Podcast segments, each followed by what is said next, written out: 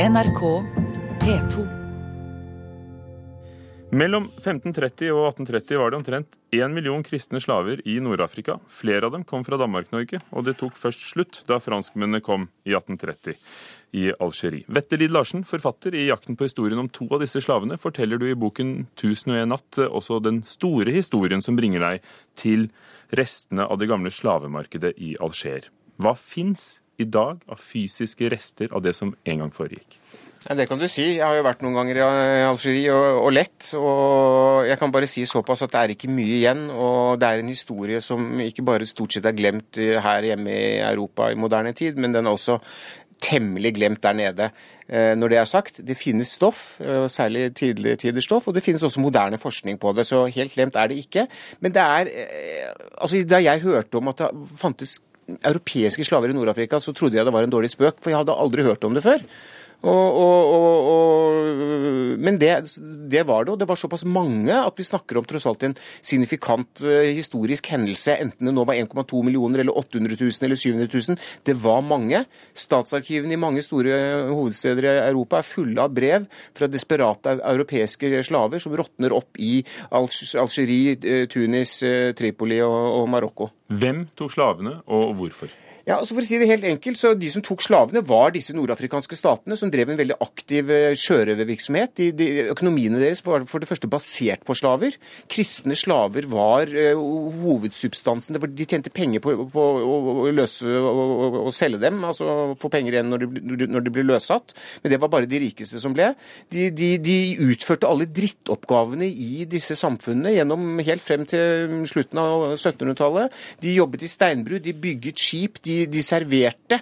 Eh, altså, de, var på en måte eh, vår tids polakker, med all respekt for polakkene, ikke sant? Og, og, i en mye verre situasjon, fordi de kunne bli solgt, de kunne bli drept, uten egentlig at det ble eh, reagert på det. Så det var uf, de var slaver, rett og slett. Ja, for du forteller om eh, forhold, de var jo slett ikke livegne. De gikk jo med fotlenker og jobbet i steinbrudd og, og råtnet hen ja, i, Algerie, i, store fengsler. I, I, Algerie på denne tiden så de gikk ikke i kjettinger, men de gikk med en, et ankeljern rundt ankelen. Statsslavene som markerte at de var statens eiendom.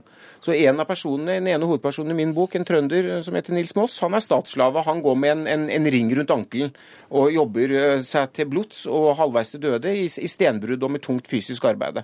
Og Christian Børs, den andre, han er en vi har hørt litt drypp om, fordi for noen år siden så stilte museet i Bergen ut drakten han hadde Absolutt. som kaffeskjenker. Han, uh, Hvordan avanserte han til det innerste av deigen, altså, uh, altså representanten for uh, de ottomanske herskerne? Hvordan, hvordan kom han dit?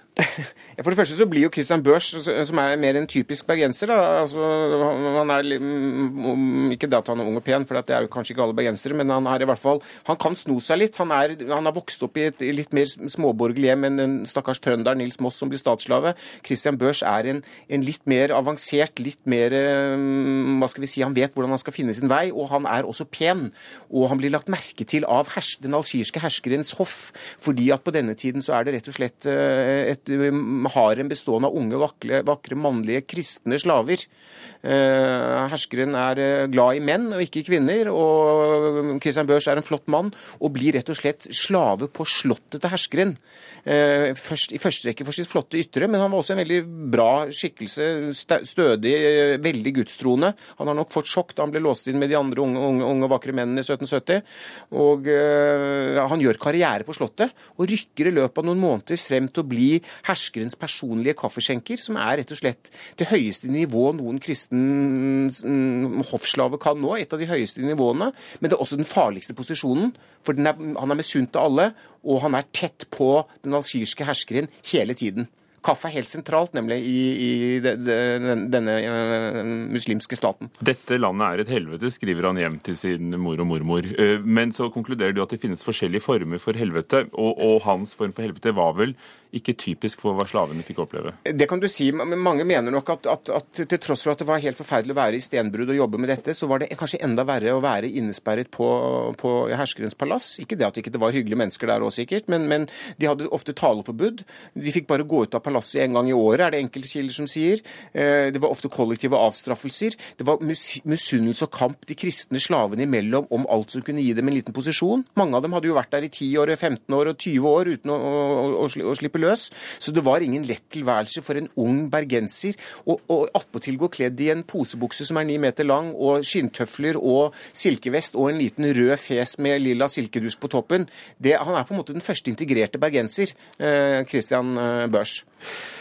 I ditt arbeid med, med denne historien, hvilken, hvilke holdninger, hvilken eh, mottakelse har du fått blant historikere og, og, og de som burde ha, ha, greie på det? Fordi du har fått veldig mye oppmerksomhet nå, for det er en stor interesse for at, at det finnes noe sånt som en omvendt slavehandel? Ja, altså For det første har jeg ikke fått noen så veldig reaksjoner på dette ennå. Og dette er for så vidt ukontroversielt i den forstand at dette er jo noe alle Mange fagfolk kjenner jo til dette. Eh, det har blitt kanskje litt underkommunisert i vår tid. Fordi at europeerne har etter krigen særlig hatt nok med å gjøre avbikt for sin egen slavehandel, ikke sant? som jo var enda verre, med, med 10-14 millioner eh, afrikanere over, over, dammen. For de færreste av oss aner at uh, dansk-norske flåten dro til Alger og, og, og bombet uh, i seks døgn 6. juli juli 1770? Eh, du, du, kan si også at, at, deler av denne historien er rett og slett luket ut av historiebøkene aktivt, i hvert fall i Danmark, fordi det passet ikke inn i, i brandingen av Danmark-Norge som en, en, en, en, Eller av Danmark som en fredelig smånasjon senere. Så det ble tatt ut av historiebøkene. Og mye av det som skjer i denne fortellingen, alt er jo kildebelagt i 1001 natt, det er rett og slett pinlig også for europeerne. Hvor mye har du diktet? Hvilke friheter har du tatt deg? For det er jo spennende lesning. Du skriver det jo som var det en spenningshistorie. Jeg har, ikke, jeg har ikke tatt meg noen friheter i den forstand at jeg følger helt strengt handlingen akkurat sånn som det skjedde. Alt er kildebelagt. Jeg har noteapparat på 200 sider. Men det er klart at jeg har satt meg inn i personenes eh, stilling noen ganger og tenkt hvordan ville man reagert, ville man, hvordan ville man reflektert i en slik og en slik situasjon. Så mitt lille tillegg er øh, meget, meget diskré i, i, i, i 1001 natt.